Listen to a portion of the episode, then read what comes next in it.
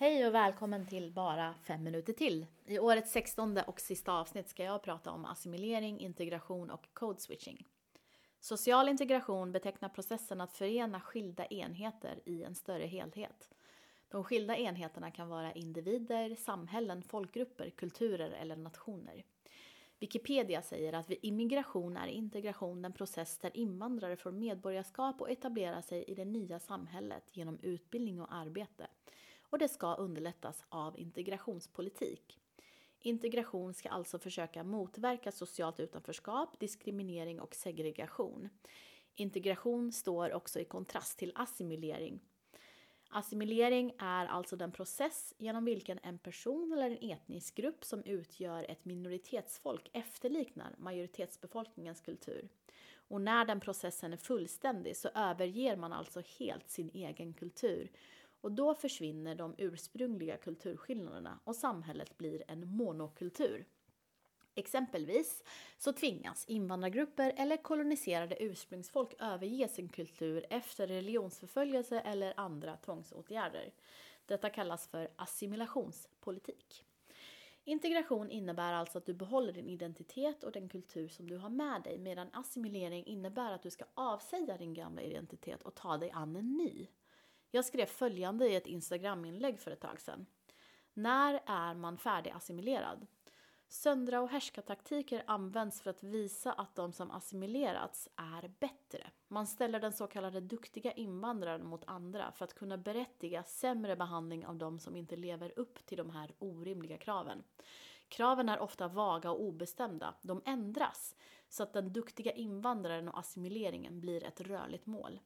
Tänk parallellt till hur patriarkatet ständigt kommer med nya krav på hur en kvinnokodad kropp ska vara och bete sig.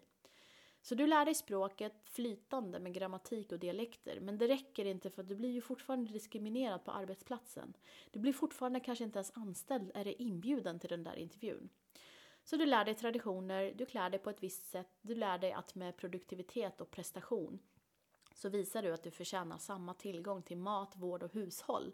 Du förtjänar att få de bidrag som andra får utan motprestation.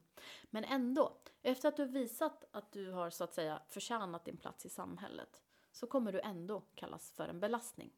Det spelar alltså ingen roll hur mycket du än försöker assimilera. Det spelar ingen roll för att det är villkorat. Det är ett rörligt mål och du kommer inte kunna nå det oavsett vad du gör. Och det här för mig till nästa term, nämligen code switching. Inom lingvistik så sker code switching när man växlar mellan språk i en och samma konversation. Flerspråkiga använder ibland element från flera språk när de samtalar med varandra. Det finns flera anledningar till att code switching är fördelaktigt och vi alla gör ju det i olika situationer. Till exempel är det ju många som har en telefonröst jämfört med en vanlig dialog som sker ansikte mot ansikte. Eller att man pratar annorlunda hemma jämfört med jobbet. Och jag låter förmodligen inte likadant Eh, annars som jag gör nu här i podden. Vissa menar att code switching inte bara speglar sociala situationer utan att det är ett sätt att skapa sociala situationer och det finns relationer mellan code switching och klass, etnicitet och andra sociala positioner.